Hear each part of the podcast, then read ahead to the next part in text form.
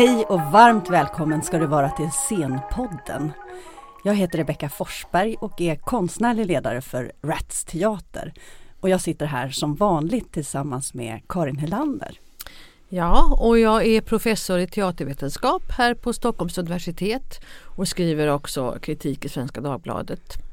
Och idag ska vi prata om någonting som både jag och Karin har varit lite pirriga inför för att det är så stort det här ämnet, nämligen performance. Välkommen Daniel Andersson. Tusen tack. Vem är du? Ja, det kan man undra. Jag har studerat här och Karin har varit min lärare en gång i tiden. Eh, så jag har en eh, filmmag i teatervetenskap. Mm. Det hette bara teatervetenskap. Nu heter det teater och dansvetenskap. Teater och dansvetenskap, vilket är bra. Det är bättre. Um, och sen så har jag gjort massor med grejer under tiden. Både under tiden jag studerade men så också efteråt. Så jag startade, här startade vi en tidskrift som heter Visslingar och rop. Jag och Linda Zackrisson. Som vi höll på med, jag tror att det var 12 eller 14 år det blev till slut. Vad blir det, 96 till 2009. Som mm, har mm. huvudet med sig. Mm. Uh, och så som vi gav ut ungefär två gånger per år. Um, och som, som uh, presenterade väldigt många olika former av, uh, av teater. Vi kallar den för teatervetenskaplig tidskrift som en slags reaktionär gest. Som teatervetenskap är typ det tråkigaste man kan ägna sig åt. men i, inom ramen för det teaterbegreppet så, så eh, fanns det plats för dans och performance och, och alla möjliga saker som senare, eh, slutet på 90-talet, började kallas för scenkonst också. Mm. Som är också ett märkligt begrepp. Och idag så är du? Alltså, så jag gick igenom just startade ett par festivaler. En mm. som heter Perfect Performance mm. och en som heter TUP. Och så har jag jobbat som dramaturg och teaterkritiker både i Svenska Dagbladet och Dagens Nyheter. Och sen så har gjort lite utbildningar bland annat på Teaterhögskolan och sen så nu är jag eh, teaterchef mm. på, på MDT. Och berätta, vad är MDT? Alltså det är, i, döptes ju till och heter fortfarande liksom i stadgarna till stiftelsen Moderna Dansteatern. Eh, som är en teater på Skeppsholmen i Stockholm som startade 1987. Som jag tog över 2010 och döpte om då till MDT. Just det, och där är dansen det starka benet för er. Ja, så är det ju. I stadgarna står att vi ska liksom presentera och stödja danskonst. Och det är också ett begrepp som inte finns längre, danskonst. Eh, vi pratar ju hellre om koreografi då. Eh, alltså som en slags intressant tankeexperiment i relation till det som har hänt inom dansen från 50-60-talet fram till nu. Nämligen att det som folks publiken ofta säger att men de dansar ju inte längre. Just det. Eh, är något som liksom har hänt. Och, och kan säga att det är en betoning på, på koreografi. Så vi, jag brukar säga att vi jobbar med koreografer som kommer med projekt och ibland dansas det. Mm, intressant, det är mm. väldigt uppluckrat. Men jag tänker performance också som mm. ämne. Vad, vad, hur skulle du beskriva det? Alltså det är två olika saker man måste liksom ha med sig från början. Eh, det ena är genrebegreppet. Och det skulle inte jag kalla för performance, skulle jag kalla för performancekonst. Som kommer från engelskans performance art. Och sen så har man det vidare begreppet performance utan begreppet konst efter. Mm. Jag kan berätta mer liksom varför mm. det är viktigt. Mm. Och också vem som har liksom skilt de två begreppen. Mm. Men i det här, det som, det som är vidare begreppet som ni ju frågar efter mm. egentligen, mm. som heter performance. Eftersom ni inte sa performancekonst. Då så, så är det egentligen ett genrebegrepp som, som, som inte är ett genrebegrepp utan som, som jag brukar beskriva som en verktygslåda snarare. Som de olika scenkonstformerna kan liksom plocka erfarenheter ur. Alla scenkonstformer du kan komma på, vi kan ju sitta och räkna till, till eh, programmets slut. Alltså mm. det, vi pratar ju om opera, vi pratar om mime, vi pratar om dockteater, vi pratar om alla, alla de här olika konstformerna som håller på. Vi, vi då pratar om stand-up uh, live. Konst. Mm. Vi kan alltså, all, alla de här formerna kan använda sig av verktygslådan performance. Så skulle jag säga, ja. ja. Ehm, och, och, och, och, gör det också, mer eller mindre medvetet. Men performancekonst då, vad, vad, är, vad är det? Alltså, det, det, är ett genrebegrepp. Om man tittar rent historiskt så, så kommer det ur konstbegreppet. Så det tillhör liksom inte scenkonstbegreppen. Mm. Eh, och, och, det handlar om en slags nermontering av konstbegreppet. Och det är det vi har sett när, när, när, när fotografins födelse så, så tappade konsten sin roll som den enda formen att bildligt dokumentera sin samtid. Eh, och plötsligt kom det ett annat medium som var mycket bättre på det. Mm. Eh, så du behövde inte göra en, en, perfekt målning av, av en person för att dokumentera den personen. Du kunde mm. inte ha fotografi. Och då fanns det en slags kris inom konsten som var så här, men nu behövs inte konsten längre. För det var det man trodde att konsten liksom, första uppgiften var. Mm. Och då börjar man tänka, vad, alltså konstnärerna då börjar, börjar på olika sätt eh, tänka på vad, vad är det som är det unika med, eh, med konst. Vad är det konst kan som inte till exempel fotografi kan. Mm. Det börjar ju tänkas då eftersom det var en slags kris.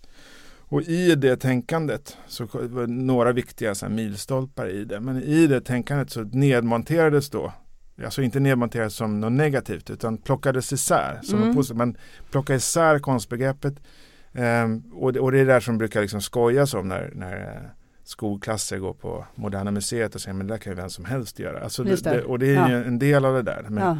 Man gjorde vita tavlor för att liksom prata om liksom, och, och, uh, prata det här monokromat tiden. Man pratar liksom om, om eh, det behöver inte vara skickligt, det behöver inte, utan konsten är eh, en, eh, ett, ett, objekt som inte ens syns. Och, det, mm. och, och sen så har det tog, togs det över av en första hand av en tänkare som och konstnär som heter Marcel Duchamp. Ja, som började lägga, ställa ut ready-mades till exempel i, mm. i konstgallerierna och påstå att det är konst. Just det, så performancekonsten, hur, hur den, kom, den ja, förklaras det, då som? Men i den här nedmonteringen ja. så blir det mindre och mindre objekt. Man ställde ut saker som redan fanns i galleriet och kallade det och sen så till slut så, tog man in människor mm. och, och, och, och, kallade dem, ja, och mm. kroppen och identiteterna de bar med sig som konstobjekt.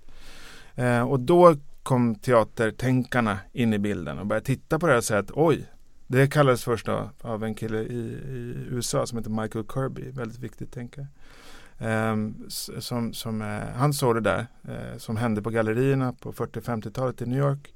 Och uh, där det var liksom embryot till det vi idag kallar för performance som är ett relativt nytt begrepp. Första gången som jag vet att det dök upp var 1979. Liksom. Just det, innan, så att vi inte går för fort fram. Jag tänker så här, finns det någon, någonting så vi, så vi eh, och lyssnaren får en bild av vad är performance? För nu pratar vi ganska stort om det redan på en gång. Mm. Kan man, finns det någon, någon eh, performance som man kan prata om, eller performancekonst som har varit viktig, som man kan säga så här, det där är en typisk performancekonst föreställning. Ja, in, inom genren performancekonst då, finns det ju väldigt många. Men första hand vad man gör, man pratar ju om liksom konstnärskap. Alltså väldigt ofta snarare än just en viktig performance. Det är ju en slags teatertänk det där att man pratar om liksom en viktig pjäs, en viktig uppsättning. Mm. Inom, i, i, eh, i eh, performance-sammanhang precis som i konstsammanhang så pratar man gärna om konstnärskapen och perioder. Liksom. Men då har man ju, och det kommer ju nu till stor retrospektiv utställning av Marina Abramovic till exempel till Moderna Museet i Stockholm. Och hon var ju då en av Som är en av de här stora pionjärerna och för, mm. föregångarna. Som, som, eh, på 60-talet eller? Vad, ja, hon är ju verksam fortfarande mm. idag liksom, men, jo, men, men, men eh, framförallt storhetsperioden var väl kanske tidigt 70-tal. Mm. Eh, mm. och, och gjorde många väldigt, väldigt kända performances, bland annat med hennes liksom, dåvarande man också. Och, och, och, hur såg en sån ut? Eh, en till exempel var när hon och hennes man skulle skilja sig. Eh, så gjorde de en, eh, en performance som var att de gick längs hela kinesiska muren och när de möttes så, så skilde de sig. Och då, sen eh, sågs de inte på Nej, sen så, herrans massa år. Nej, så skulle de försöka att inte ses på väldigt länge. Men det gjorde det, de inte heller. Nej, precis. Och sen äh, återförenades de då i en väldigt känt YouTube-klipp där hon ju gör en annan väldigt känd av hennes performance som heter The Artist is Present. Där hon egentligen mest sitter och glor vid ett bord och så får publiken komma en och en och sitta och titta på henne i ögonen. Liksom. Och så, så sker det en slags kommunikation. För det gör det ju. Mm. Kommunikation är så otroligt mycket mer än bara eh, ord. Och, eh, så hon, hon sitter på en stol med ett bord framför sig. Ni har säkert sett den här, det här Youtube-klippet, en del av er här. Mm. Men, eh, och, och, så får publiken komma och sätta sig mitt emot mm. på en stol. Och så eh, får man titta henne i ögonen. Mm. Under, under tystnad och koncentration. Då. Och andra får ju titta på när detta händer också. Just det. Och i det här mm. så, så kom hennes man. Som jag inte har träffat på en herrans massa år precis som du sa. Ja. Det här var ju bara några år sedan. Eh, vilket var också i, en, en av grundförutsättningarna i den, föreställningen, eller den föreställningen, nu, det, det, är ju felaktigt, men mm. eh, är, är, ju att man inte får röra vid varandra till exempel. Det är en sån här, man ska bara sitta på varsin sida av bordet och, och i den här sekvensen så, så kunde de inte låta bli att liksom ta varandra i, i hand och så, så börjar de gråta båda två. Men nu är det ju där och det är en väldigt fint klipp. Det är något slags eh, romantiskt och vackert över det. Men nu är de i en stor rättssak som ju kommer påverka oss alla glada besökare till Moderna Museet. Hur då? Hur då? Jo, men de, han, för, för må, många av de viktiga, viktiga arbeten de gjorde tillsammans eh, eh, gör ju hon fortfarande i sina retrospektiver utan egentligen tillåtelse av honom och det var ju två som, som, eh, som skrev under arbetena så att säga. Det var ju två konstnärer. Mm. Eh, så nu är det en stor rättstvist om hon överhuvudtaget kan, har äganderätten till att visa de här igen. Ehm, och, eh, och det är liksom inte avgjort vad jag förstår. Eller det är möjligtvis så att de har gjort en, jag tror att det är så att de har gjort, kommit överens fast utan rättssak. Då. Mm. Alltså på, mm. Men, vilket innebär att att vi får inte se några av de arbetena. Väldigt, väldigt viktiga arbeten. Vi får se YouTube-klipp på dem istället. Mm. Eh, och, och, det här, så de, de arbeten som vi får se är de som hon har skrivit under själv. Då. Det var alltså den perioden innan July och perioden efter. Mm. Men om vi skulle försöka summera bara det här performance-begreppet mm. eller performancekonsten. Ska vi eh, summera redan? Ja, nej, men bara så att vi får en, en, en liksom gemensam plattform tänker jag. Då är det en händelse som utspelar sig här och nu. Kan man säga så? Ja det kan man säga men det är ju väldigt många andra saker som är också. Så, så vad, vad är skillnaden? Med, men alltså, om man säger så här, det, det lättaste sättet att förklara det på tror jag, alltså för mig och som jag gör för, för studenter när jag pratar med dem också, så handlar det om att man ställer det bredvid någonting annat. Då blir det lättare att liksom få att ringa in det. För det, det är ju suddigt i kanterna och därför är det väldigt bra att jämföra. Till exempel med teater är ganska lätt att jämföra med. Eh, man kan säga att, som en sån sak till exempel att teater utspelar sig i fiktiv tid. Alltid, även om det är nutid och även om rollen spelar sig själv. Så att jag är på en scen och, pratar, och, det är 2016 och jag heter Daniel så är det ändå i fiktiv tid. Därför det är teaterns rum. Teatern mm. är alltid fiktiv. Mm. Performance, konst är alltid i reell tid.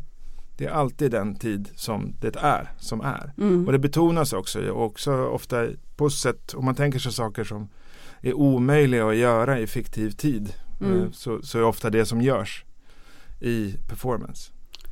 Som till exempel eh, skära sig så att man blöder. Alltså det, det, det är någonting som händer och ofta nu. är det ett mm. tillfälle. Att de som är där är där. Ja, det, det, finns ju en väldigt berömd text som är, som är bra i det här sammanhanget. Som, som eh, heter, av, av Peggy Phelan som heter The Ontology of Performance.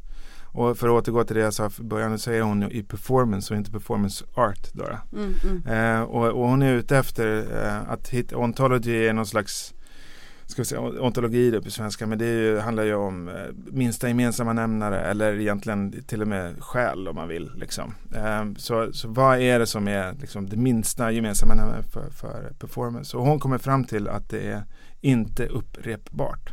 Aha. Att det är det som inte går att göra två gånger.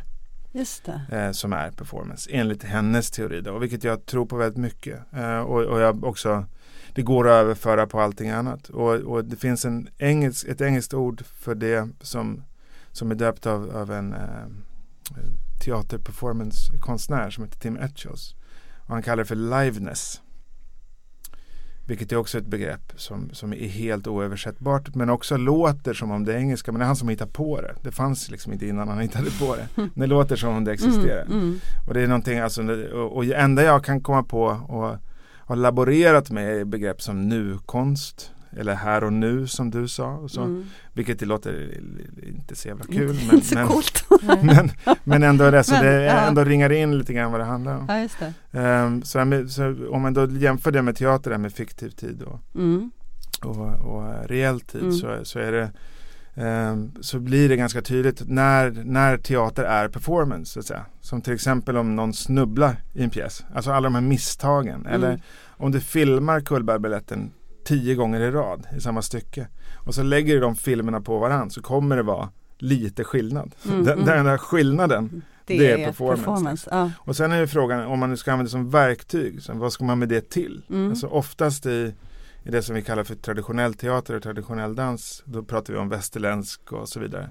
Eh, men det som vi idag, idag pratar om eh, som, som traditionell eh, teater och dans. Då är vi ju liksom ute efter det upprepbara. Alltså, att va, kunna göra det flera kunna gånger för göra det likadant ja. varje kväll. Alltså det är men, liksom det vi är lite ute ja, efter. Ja, Men om man är ute efter misstagen till exempel. Om man är ute efter det den här känslan uppstår. av liveness. Känslan av här och nu. Då är man intresserad av, den här verktygslådan som är performance. Då. Just det, men, och, men jag tänker Karin... Jag, tänkte att, alltså jag tänker att det just det här med, för egentligen det här med att inte upprepa sig, det ligger ju ändå också tänker jag i liksom traditionell scenkonst ändå. För att det, när man pratar om eh, traditionell scenkonst så säger man ju också att en föreställning är aldrig den andra lik. Det är alltid liksom en väldigt speciell här och nu-känsla. Just den här föreställningen på torsdagen som inte alls är den samma föreställning på fredagen för det är en annan publik och det är liksom en annan närvaro en annan liksom, Ja det är inte film, det är, kemi det är mellan, levande. Nej men precis. Ja. Men som du säger att man är ju ändå, traditionell teater så är ju ändå ambitionen att det ska se någorlunda likadant ut från, på torsdagen och fredagen. Även om många skådespelare talar om vikten att liksom hitta de här eh, vita fläckarna eller de här osäkra momenten som ändå gör att det lever liksom från kväll till kväll. Men sen tänkte jag det här, det här att det är att det just är en gång. Det, det hänger väl ändå ihop tänker jag med den här happening händelseaktiviteten eh, på ett sätt. Men sen tänker jag också apropå du nämnde Kirby eh, teoretiker och när jag eh, försöker påminna mig när jag har läst Kirby så är det också mycket som är alltså inte att, skåde, att non-acting, det är ett sånt begrepp, att man liksom inte gestaltar som skådespelare annars gör i andra former av teater. Och vem, är, vem är det? Ja, det var den teaterteoretikern som, som eh, har varit väldigt viktig för post eller vad ska jag säga, för performancekonsten helt mm. enkelt. Mm. Han, han, var ju alltså tillsammans med Richard, Checkne som är en av de här tidiga föregångarna också i New York. Som är professor på Tisch universitetet och har varit i många, många herrans mm. år. Kirby, Kirby var ju då, de två startade en viktig tidskrift som då hette, som, som finns fortfarande idag, som heter TDR. Mm. Som är Theater and Drama Review. Mm. Och han var också en av de första som, som började liksom titta på eh, på teater utifrån ett vidare begrepp då. Fast det fanns inga ord för det riktigt än. Och han gick då på de här gallerierna eh, och han råkade ju benämna det för happenings. Det var ju liksom inte meningen. Så ordet, begreppet happenings kommer ja. från, från ja, precis. när han, han skrev, går runt? Han skriver en bok som heter Happenings. Mm. Eh, som, och, och, men vet redan när han skriver den boken, för han skriver den retroaktivt. Då, för det, han har liksom råkat mynta begreppet via en Allan Kaprow-föreställning. Som jag inte nu kommer ihåg exakt titeln på, men det var typ um, Nine happenings in so many rooms. Hur många rum det nu var. Mm. Um, och, och han använder begreppet happening bara som, som, eh, som, som, ett uttryck, ja, som ett uttryck för att här händer saker. Ja, liksom. ja. Uh, och sen så fastnade det ordet och blev då ett begrepp och sen så skriver då Michael Kirby efter några år en, en, en bok som fortfarande idag är liksom viktig. Det var första försöket att skriva en slags historieskrivning i, om, om var, det, var, eh, var det här kommer ifrån och vad det är för företeelser. Och då skriver han om det här som jag just sa eh, med, med upplösta konstbegreppet och så. Mm. Och, och, men också var missnöjd över ordet redan där. Och, och, och just därför att happenings eh, pekar mot att det är en oplanerad händelse. Det är någonting mm. som bara händer. Och, och det, det, är det ju inte. Det är, alltså, det är väldigt, mm. väldigt planerade mm. och det är ju en av, av, av sakerna som är kanske viktiga med performancebegreppet är att det är väldigt planerade händelser. Om man ska verkligen förstå den performance är det just det som du sa att det finns att det inte är fiktiv tid och rum utan det är här och nu.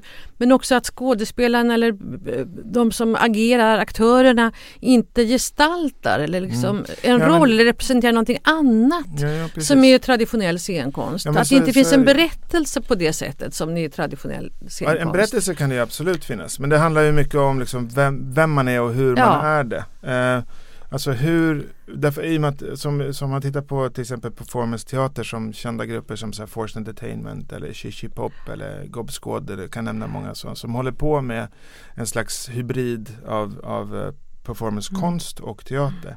Och då mycket av dem, vad de fightas med eller är intresserade av är ju liksom hur kan jag fortfarande vara jag?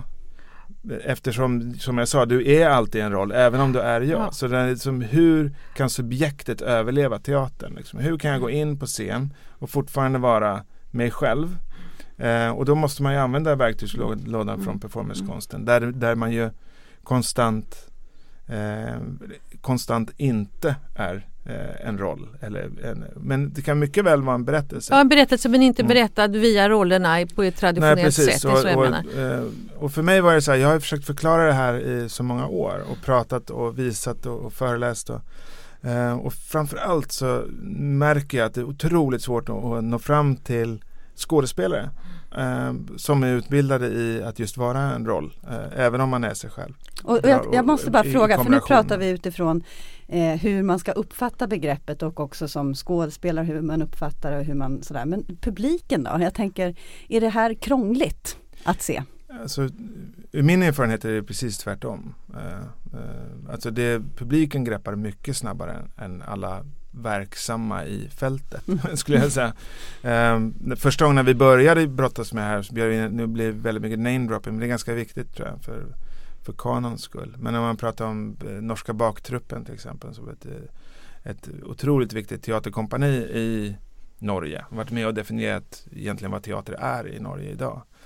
Väldigt mycket och de hade liksom inte varit här så mycket, man har varit här en gång tidigare på en festival. Och när vi bjöd hit dem med deras första dansföreställning eh, som faktiskt eh, Lars Ring skrev om i jag säger faktiskt för det händer inte så ofta som skriver dansföreställningar i, i Svenska Dagbladet på den tiden och han var helt till sig och det, när vi visade den och jag var osäker på om folk skulle förstå. Liksom, därför att det var väldigt konstigt det de gjorde. Mm. Alltså konstigt med väldigt stort K. Mm. Någon slags dans eh, Alltså det var, de var de medelålders eh, män och kvinnor, eh, sju stycken på scenen som, som alla hade på sig sådana här så som vi tänker oss mimdräkter eller sådana här dansdräkter, såna här kroppsfärgade. Nu kommer våra fördomar här. Ja. och så, och så, eh, så scenen i stort sett var en dansmatta, en svart dansmatta på golvet och så, så eh, hade de på sig de här dansdräkterna och de var liksom vad ska jag säga, normala kroppar. Ja. Alltså inte den här eh, väldigt vältränade som vi associerar med dansen. De hade lite ofta. mage och lite gäddhäng. Och... Ja, liksom ja. varit med ett tag. Ja.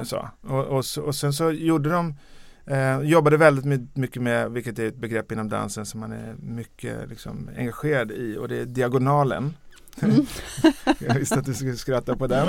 Eh, och, och, ja, Rebecka, du kan väl förklara för, för lyssnarna vad diagonalen är för någonting. Ja, jag är ju faktiskt också danstränad en gång i tiden på Operans elevskola eller Svenska Balettskolan som det hette. Och då tränar man alltså i dansrummet så delar man upp rummet i, i, i diagonaler. Eh, så man går från en, en hörna till en annan hörna mm. och man dansar ofta inom de ramarna. Skulle du ja. säga det? Ja, och, och liksom inom, inom, det kommer ju i första hand från balletten som det mesta inom dansen gör. Och det mm. liksom handlar väldigt mycket om linjer i balletten. Mm. Liksom, och linjen förhåller sig liksom till diagonalen. Mm. Och det är ju liksom hela skönhetsidealet. Alltså så som vi har lärt oss och inopererat. Mm. Det handlar om liksom hur, hur ett ansikte är uppdelat i Symmetrin. diagonaler. Ja, Symmetrin och, och eh, vad heter det? det? det perfekta snittet eller vad mm, heter det? Mm, mm. Mittpunkten i rummet utgår ja, från diagonalerna. Precis och, och, eh, och det där är ju någonting som, som, eh, som framförallt man inom liksom den, den postmoderna dansen från 50-talet, 60-talet framåt har jobbat extremt hårt emot. För att liksom bryta det här ja, bry, idealet. Ja, mm. Bryta de strukturerna och mm. hitta an, andra typer av, av skönhetsideal. Eller egentligen inte ens leta efter skönhet längre utan prata om andra saker. Mm.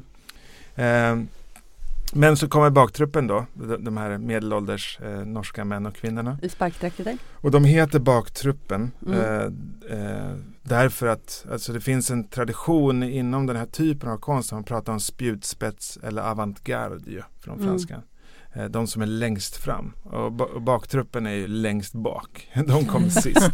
Allt, allt har gjorts. Underdogs. Ja, så här, här, och, och då, eh, vad de gör är att de jobbar med den här diagonalen då. Men vad de gör är att de sätter ihop sig som en slags mänsklig kedja. Eller vad ska man kalla det för? Korv kanske. Ja, ja. Ligger på golvet och så försöker de då kräla sig fram. Jag tror att de var sju personer vid tillfället. Eh, och över golvet eh, som krypa fast lite ormlikt i olika formationer fram och mm. tillbaka i olika diagonaler och sista gången de kröp så kröp de under dansmattan.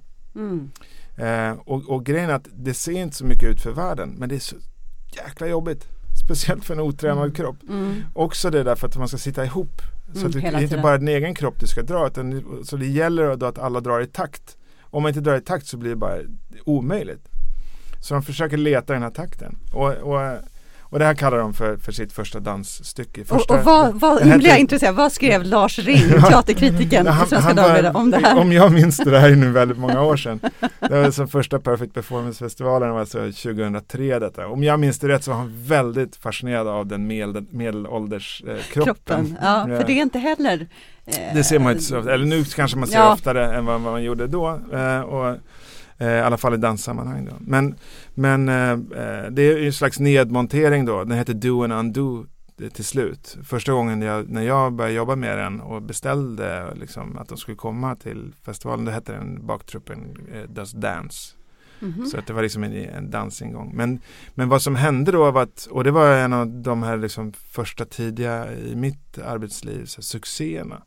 Så det var liksom och, det är helt omöjligt att föreställa sig. Det var liksom nio inrop på Kilen. På tal om publikens ja. Eh, uppfattning ja, av, precis. av en sån här alltså, konstig... Det, folk slutade aldrig applådera. Det var helt tokigt. Alltså, och vad tror du inrop. att det är som, som händer i, i människan som ser en sån här ja, men jag, jag tror att det, jag tror att, grupp som men Jag kommer. tror att vad det handlar om att det var någon form av release också. Just att de, de, är, de är ju notoriskt dåliga baktruppen. Alltså de är dåliga på allting. Ehm, eh, och, och de är som har övat sitt helt yrkesliv på att vara riktigt usla. Och Picasso sa ju det också. Jag har ju övat ett helt liv och målat som en nioåring. Eh, och det, det liksom ligger väldigt mycket i det. De var intresserade av, de finns inte längre då, som, som kompani, men de var intresserade av det här med kvalitetsbegreppet. Karin, vad, vad tror du att publiken upplever när den ser någon sån här föreställning? Ja, det beror ju på vilken publik det är. Vad jag tänker med, det är ju intressant just det här att man, att man byter hierarki så att säga. Att, att i traditionell scenkonst, man, både talteater och dans, ofta ballett och opera till exempel, så är ju liksom yrkesskickligheten och professionalismen det är ju liksom det högsta. Den som verkligen kan göra sina piruetter bäst är bäst. Det är det inte den som ramlar. Ja precis. Eh, så det beror på vilken publik man talar om. Men vad jag tänker är intressant också med performance och publiken det är ju både det här tvärtom-språket då, eller tvärtom-hierarkin men också att man som publik, i alla fall det jag tycker att jag med har sett när jag ändå har sett performance, att man får en annan roll som publik också. Att man ofta blir mer förväntas vara deltagande eller att det finns en slags mm. eh, interaktivitet där som kanske en traditionell eh, teaterpublik ibland kan känna sig främmande för eller blyg inför att det krävs någonting av mig som publik. Hur, hur ser du på det Daniel? Ja, I just Visslingar upp, sista numret, så, så, handlar det om publiken faktiskt. Och det är någonting som jag tänkt otroligt mycket på och, och, och gör fortfarande. Tänker på liksom vad vad det är och hur det fungerar. För det, det är mycket mer komplext än, än bara säga så. Och precis som du mm. också eh, poängterar mm. Karin, tänker jag det här med, det beror på vilken publik det är. Alltså, och, och därför att eh, men när man när det sen då går över och säger en traditionell teaterpublik så bär det med sig en ideologi. Mm. Alltså man tänker sig mm. att man vet ungefär hur den mm. tänker. Och de, den blir ju då en slags entitet eh, snarare än ett gäng individer med olika erfarenheter. Eh, och, jag, och, och, och, jag försöker tänka också i termen av, av icke-publik. Alltså för, för, att man tänker så här, publik är de som är och ser en föreställning. Det är ju ganska basic och enkelt. Liksom. Och, då, och då, det där kan ju gå till på olika sätt. Man kan ha köpt en biljett eller man kan vara kritiker eller man kan, man kan känna någon i föreställningen och fått en fribiljett. Eller, men, men på något sätt har man fått en biljett i hand och sen så har man använt den premien och så har man gått till den lokalen mm. för, att, för att sätta sig i en stol och titta på det som kommer hända. Mm. Och, och, den aktionen är det som sen räknas in som publik. Men sen så finns det ju de som kanske läser program, eh, redan annonsen och bara säger aha, är det den skådespelaren med, det är den regissören, det är den pjäsen. Det, så, man, man vet så mycket om det redan bara genom att läsa igenom. Men det där vill jag inte se. Mm. Det tänker jag är en slags icke-publik. De väljer aktivt att inte vara där. Det går inte att räkna vilka de är. Mm. Men det finns en hel del sådana. Och sen så finns det den här publiken som alla åtrår. Den, den, den mittemellan de här två. De med den faktiska biljetten och de, de eh, eh som väljer att inte gå. För de som väljer att inte gå, de kommer ju inte kunna övertyga att gå. Det är mm. helt omöjligt. Mm. Jag är inte intresserad av musikalpubliken. De ska man inte få till musikal. Men kan man inte dela in publiken på ett väldigt... Jag skulle bara säga ja. den tredje gruppen mm. som är den intressanta är den, den, som in, den som man inte har övertygat än om att komma. Den som vi då kallar för i politiska sammanhang den nya publiken. Alltså den, och det är den alla åtrår. Liksom. Eh, och, och om man tittar på performance så pratar inte de överhuvudtaget ens om publik oftast. Så Marina Abramovic till exempel pratar inte om publik, hon pratar om vittnen. Mm. Eh, så man är liksom vittnet till en händelse. Mm. Och, och, eh, och, och, ett vittne har ju en helt annan ideologi med sig ju. Mm. Alltså, eh, och dessutom så hon gör hon gör en som heter, hon gjorde en hel serie som heter Rhythm som börjar med Rhythm O. Och sen så fanns det massor, massor med nummer på de här Rhythm. Och en gjorde hon i Italien som var, eh, som var ett bord där hon stod rakt upp och ner eh, i rummet och på bordet så låg det massor med objekt. Och allt det var så från vardagliga objekt till blommor till liksom bestick och en vas. Alltså massor med saker bara. Pennor och, men också en laddad pistol. Och, och, hon sa, jag står här i x antal timmar, jag tror så här fyra timmar eller någonting. Mm. Och jag gör ingenting och ni får göra vad ni vill med mig. Mm, just det. Och sen så, och, och hon skriver då utifrån den erfarenheten så är så man kan inte lita på, på, på sina besökare eller på sin publik. Mm. Eh, därför att hon blev ju då hotad med pistolen efter ganska kort tid. Mm. Eh, och var tvungen att, de var tvungna att avbryta. Det var en annan som gick emellan. Mm. Och, hon, hon eh, och, och galleriägaren valde att stänga ner därför att det blev för våldsamt. I det läge man släpper dem lös liksom, så mm. blir de våldsamma. Liksom hennes tes. Men då var ändå det här på, på en eh, i ett galleri? I ett galleri, mm. för jag tänker mm. också att det är många performancekonstnärer som inte jobbar i de här fasta mm. scen och salongsituationerna utan att man kanske är ute på stan. Jag tänker på moderna grupper mm. som Rimmen i protokoll mm. från Berlin till exempel som jobbar mycket med ny teknik. Och då skulle jag hävda de... ett teaterkompani dock. Okay. Eh, mm. jobbar inte så mycket med, men däremot ja. så vad de gör att de jobbar med något som de kallar för Experts of the Everyday. Som är alltså inte samma sak som non-actors för att krångla till det ytterligare. Då, utan då har vi actors som är då utbildade människor som är skådespelare som är utbildade i konsten att eh, föreställa andra, ska man kunna säga. Mm. Eh, och sen så har man, eh, finns en otroligt svår genre som heter non-acting som är just det här med eh, där man är sig själv. Amatörer men inte eller? Nej, inte nej. amatörer, det är ett annat begrepp. Okay. Mm. Eh, och, och, utan det handlar om att man att, att du är expert på att vara dig själv på scenen. Ja, ja. Och där har man som Gobsquad till exempel ett sånt kompani. Rimini Protokoll är också ett sånt kompani. Men också Force Entertainment. Mm, liksom man tar in, är det en byggarbetare med ja, så nej, då, nej men sen så gör, har vi Rimini Protokoll då, mm. som jobbar med Experts of the Everyday. Som är alltså de berättar en journalistisk historia egentligen. Eh, och, och sen så tar de in handplockar, precis som en journalist gör, väljer vem man intervjuar. Och den personen ska ju säga rätt saker liksom, för, för den här berättelsens skull. Och då tar de in intervjuoffren fast på, in i teaterstyckena. Mm. Så att när vi gjorde den här radiomassan som var på, på Dramaten till exempel. Då jobbar, alltså, då, då, den går ju ut på, Moassinerna är de som sjunger ut bönerna i, i, i från moskéerna från minareterna. Mm. Och, och, det är ju en konstform. Liksom. Det handlar ju om att du är Guds röst. Du sjunger ju ut mm. bönerna. Mm. Eh, men ja, man, har man kommit fram till att det är så jäkla irriterande att det är så många olika röster. Så de vill ha liksom en röst som är Guds röst och ha radiosändningar i alla minareterna i Egypten. Då. Vilket gör att det är en väldig massa muazziner som blir av med sina mm, arbeten. Som inte har jobb. Ja, ja. De, och, och, och det här är en väldigt intressant historia och den historien vill Rimini protokoll berätta. Mm. Och då vad de gör är att de tar in den här Guds röst och han är med på scenen. Och så tar de in, tar de in den som blir av med jobbet. Du tar in eh, vaktmästaren som jobbar på ett sånt här ställe och så, så spelar de sig själva. Mm. Eh, men de är inte non-actors eftersom, eftersom eh, de, är inte professionella non-actors. Eh, mm. Det, är, det är jäkligt svårt och det är en kunskap det också.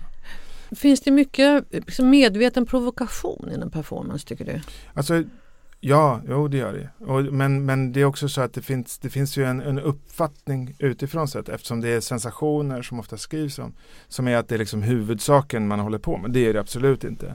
Men däremot så är det ju, alltså om du ska prata om det här med med, med vad är eh, performancens minsta gemensamma beståndsdel och så. Om man då kommer fram till att det inte är upprepbart så är just en av de här sakerna som inte är upprepbara är ju sånt som normalt sett skulle uppfattas som provocerande. Kommer... Men i den här verktygslådan eh, som jag pratar om så är ju provokation ett viktigt verktyg som man, som man använder sig av väldigt ofta.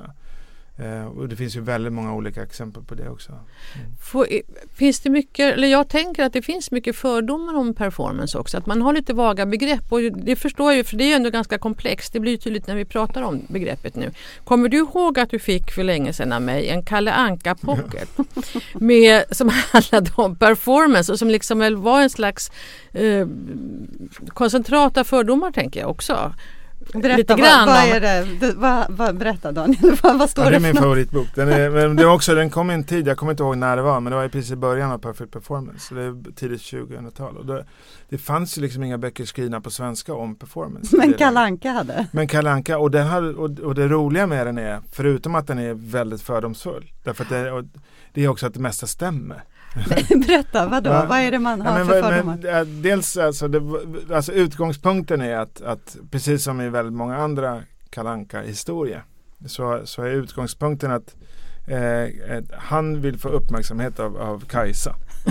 och Kajsa har blivit intresserad av att gå på ett evenemang ja. som är en slags välgörenhetsevenemang för en scen där en jättekänd performancekonstnär ska komma och liksom så att det ska samlas in pengar. Ja.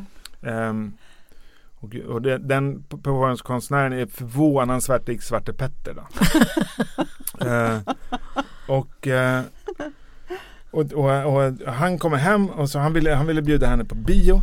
Och hon vill inte gå för hon ska gå på det där evenemanget. Så han kommer hem till Knatte, Fnatte och Chatte. Och så säger hon så här att, ja men så har, en, min favoritbild. Då, då, då, då frågar någon av Knatte, Fnatte och Chatte, någon som vet skillnaden på den vet jag inte, men någon av dem frågar sig, men vad är en performancekonstnär? Och så, så ser man eh, eh, Kalanka tittar upp lite och, och, tänker, jag vet inte, men jag tänker ta reda på det.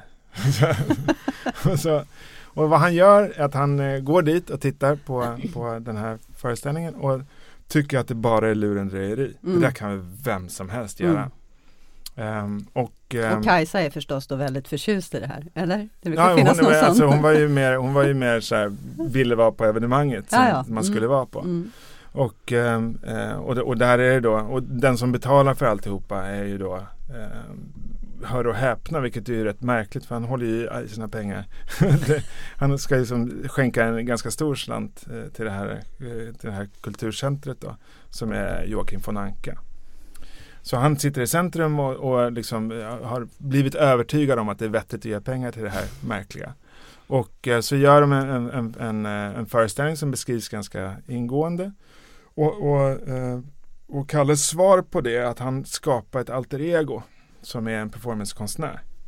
Han, kan, han, ska inte vara sämre, han ska göra sin han ska egen. Inte vara sämre. Så han gör också en ja. eh, som blir jätteuppmärksammad. Och jag tror han heter Quackophonic och han liksom spelar jättedåligt på en fiol och, och, och, det blir liksom Vad som händer är att, att, eh, att den här Svarte Petter-figuren blir liksom eh, utmanad av den här nya och det, den här stan är liksom inte tillräckligt stor för två stora konstnärer. Så att det blir liksom, det, det, skapas en tävling mellan de två. Så de två tävlar och vad som händer då att det, blir, det är så uppmärksammat så att det radiosänds. Eh, så att det kommer så här pratbubblor över så det liksom kommenteras. Så man, de gör det på scenen man, I realtid. På, bild, ja, på ja. bilderna och så, så berättar de eh, vad det är de gör och varför det är så himla fantastiskt. Och just det där de berättar är det som är så slående. För det, det, de går igenom i stort sett hela performancehistorien i det där. Alla de här olika sakerna som vi har pratat om nu är alla representerade i, på kalanka vis så att det blir överdrivet åt alla möjliga håll. Eh, men blir också beskrivet. Och den där beskrivningen är egentligen den första som jag känner till i alla fall. Historieskrivning av av performance på svenska språket i kulturgärning. Men apropå det här med fördomar så är det ju så att det, det är olika saker som, som snurrar och, och jag har ju ett tag eh, ägnat mig åt att leta efter fördomar. Därför det är ganska intressant att liksom för en sak är ju att ha kunskap och en annan sak är att ha fördomar ju. Mm. Det brukar skiljas åt ganska rejält. Mm. Och jag har ganska mycket kunskap på området. Och jag är intresserad av fördomarna och hur kommer man åt dem? Och då har jag gått via populärkulturen. Och Kalle är ju ett exempel. Ett annat exempel är att Marina Abramovic är med i, i Sex and the City i ett avsnitt. Där, där eh, de, i det, när, när Carrie möter vad han nu heter som, som är Barishnikov som ju är stor konstnär i serien. Jag vet, ni vet mm. balettdansaren mm, ja, ja, ja. ja.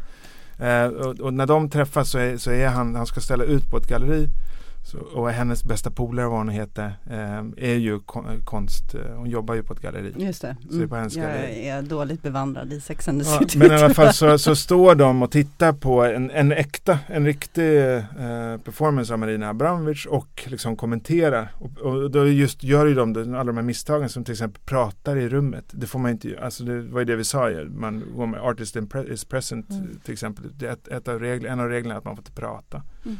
Därför all kommunikation sker via, via koncentration och, mm. eh, på andra sätt. Eh, och de står och pratar i rummet och då, då vänder sig folk runt omkring dem och de är förstås svartklädda och eh, konstiga frisyrer och stora örhängen och så, så som man tänker sig att det ska se, se ut på ett galleri.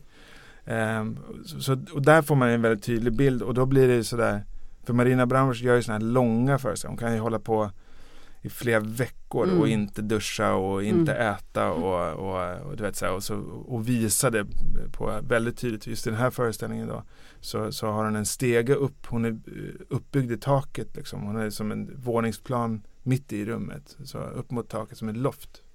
Och där uppe duschar hon och, och liksom eh, så det, och hon sover inte, hon är vaken. Och, eh, men där liksom eh, spenderar hon sin tid i flera veckor. Och, och då, alltså deras kommentar blir så här, men du behöver liksom behöver sminka dig tjejen. Du vet sådär, du vet Sex and the City. För jag tänker också att performance är någonstans väldigt någon slags gränssnitt mellan en väldigt kroppslig praktik, mycket kroppslighet och ibland rätt mycket naket också tänker jag. Mycket kroppar, alla modifanger, alla modeller av kroppar. Men också ganska hög intellektuell nivå. Mycket liksom manifest, teorier, tankar, filosofi hur, hur gifter sig det här liksom väldigt intellektuella med det väldigt kroppsliga? Jag, jag tänker egentligen att det handlar inte om det utan det handlar om, eh, det blir det. Eh, för mig handlar det väldigt mycket om, alltså det föds ur konventionskritik som jag sa från början då. Att, att det nedmonterade konstbegreppet där man liksom börjar med frågan, men vad är det här egentligen? Vilket är en fråga som alla konstformer sent om sidor liksom har ställt sig. Som vad, vad, är, vad är teater egentligen? Varför behöver Varför har vi dans? Varför, alltså man håller på med uppdelning av dans och koreografi. Alltså allt det där bottnar i samma typer av frågeställningar.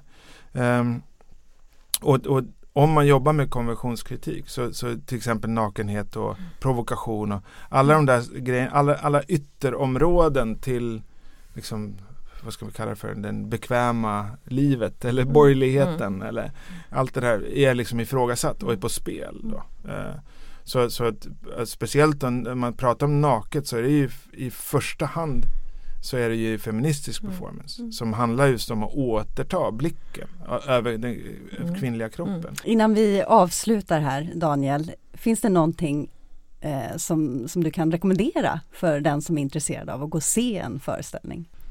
Alltså det vore någon form av tjänstefel att inte säga MDT då. Men, men, eh, men vi jobbar med koreografi, men en uppdaterad form av, uh, av danskonst som, som uh, uh, där, där, man kan se mycket internationellt men också det svenska. Och det vill jag faktiskt säga och det är viktigt att säga det att alltså, svenska koreografin är i världsklass nu. Det har liksom inte sett bättre ut någonsin. Mm. Och det handlar inte bara om vårt arbete på MDT utan det är väldigt många års, väldigt många arbeten som, som människors arbete som har gjort att det är, det är fenomenalt nu. Och folk eh, till den här festivalen som vi nämnde kommer det liksom 20 olika länder och titta på eh, och organisationer och titta på liksom det som vi gör.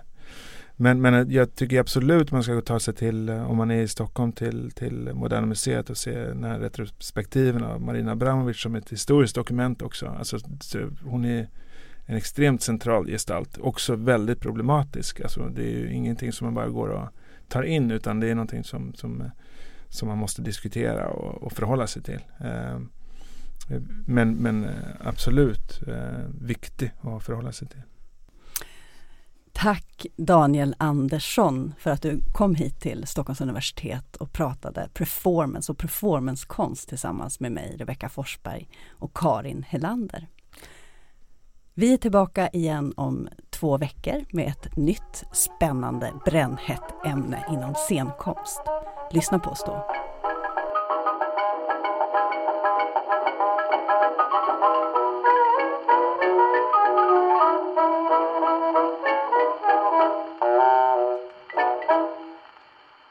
Du har lyssnat på Scenpodden, en podcast från Rats Teater och Humanistiska fakulteten vid Stockholms universitet.